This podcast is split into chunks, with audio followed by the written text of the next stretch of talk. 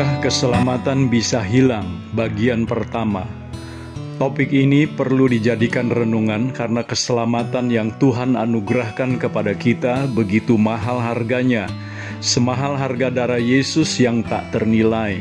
Namun sebelum kita berbicara tentang apakah keselamatan bisa hilang atau tidak, hari ini kita merenungkan tentang keselamatan itu terlebih dahulu. Saya menyukai makna keselamatan yang terkandung dalam Yohanes 5 ayat 24. Di dalam ayat tersebut Yesus sendiri berkata, Aku berkata kepadamu, sesungguhnya barang siapa mendengar perkataanku dan percaya kepada dia yang mengutus aku, ia mempunyai hidup yang kekal dan tidak turut dihukum, sebab ia sudah pindah dari dalam maut ke dalam hidup. Berdasarkan ayat tersebut, saya memaknai keselamatan sebagai yang pertama, mempunyai hidup yang kekal. Hidup kekal di sini bukan sekedar hidup selama-lamanya berdasarkan waktu, karena semua manusia yang diciptakan oleh Allah bersifat kekal. Kita semua tahu kekekalan manusia mempunyai dua kondisi, Pertama, dalam persekutuan yang erat dengan Tuhan di sorga, atau sebaliknya terpisah selama-lamanya dari Tuhan, alias masuk neraka. Hidup yang kekal yang dimaksud Tuhan di sini adalah hidupnya sendiri yang dianugerahkannya kepada mereka yang percaya kepadanya. Yang kedua, tidak turut dihukum.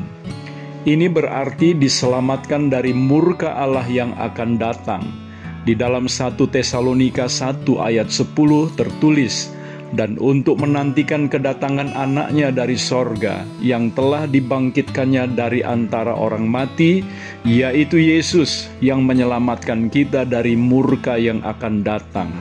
Jadi, tidak turut dihukum berarti diselamatkan oleh Kristus sendiri dari murka Allah yang akan datang. Mengapa ia tidak turut dihukum? Yang ketiga, karena ia sudah pindah dari dalam maut ke dalam hidup, dipindahkan oleh Allah sendiri dari ancaman hukuman kematian kekal ke dalam hidup.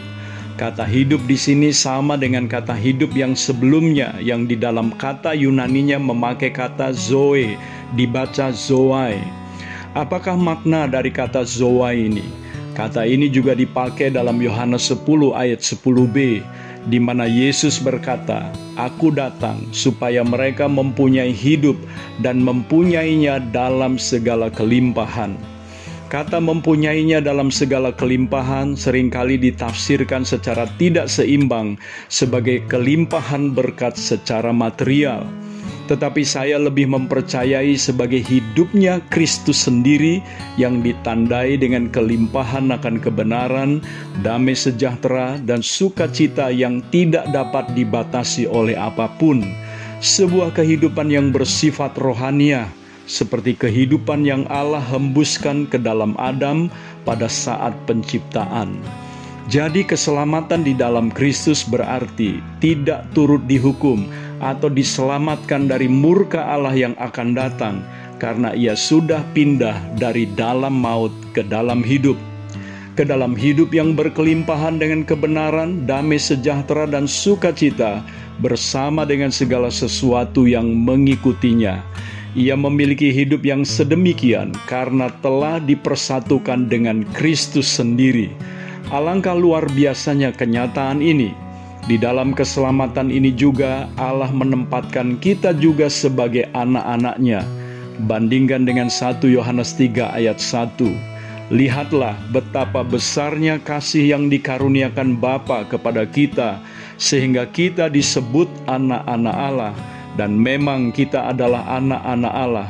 Karena itu dunia tidak mengenal kita sebab dunia tidak mengenal Dia.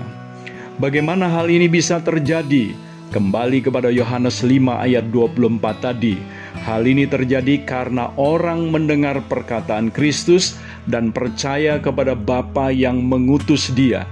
Artinya, percaya kepada Kristus dan kepada Bapa. Sebab Yesus sendiri berkata, "Aku dan Bapa adalah satu." Percaya kepada Kristus berarti percaya kepada Bapa yang mengutus Dia. Sebaliknya, percaya kepada Bapa berarti percaya kepada Kristus yang diutusnya. Kapan keselamatan itu terjadi dan kita alami? Apakah melalui sebuah proses atau seketika? Saya percaya keselamatan itu terjadinya seketika, tetapi sekaligus juga sebuah proses. Seketika karena mereka yang percaya kepada Kristus dan Bapa dikatakan sebagai sudah pindah dari dalam maut ke dalam hidup.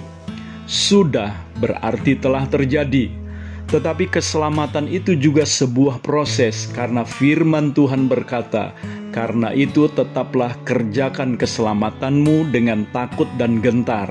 Filipi 2 ayat 12a. Bersyukurlah jika saudara sudah diselamatkan, tetapi jangan lalai untuk mengerjakan keselamatan itu dengan takut dan gentar kepada Tuhan, supaya saudara tetap terpelihara di dalam keselamatan yang Tuhan sudah anugerahkan. Saya Theo Barahama, Bring Heaven Home, Tuhan Yesus memberkati saudara.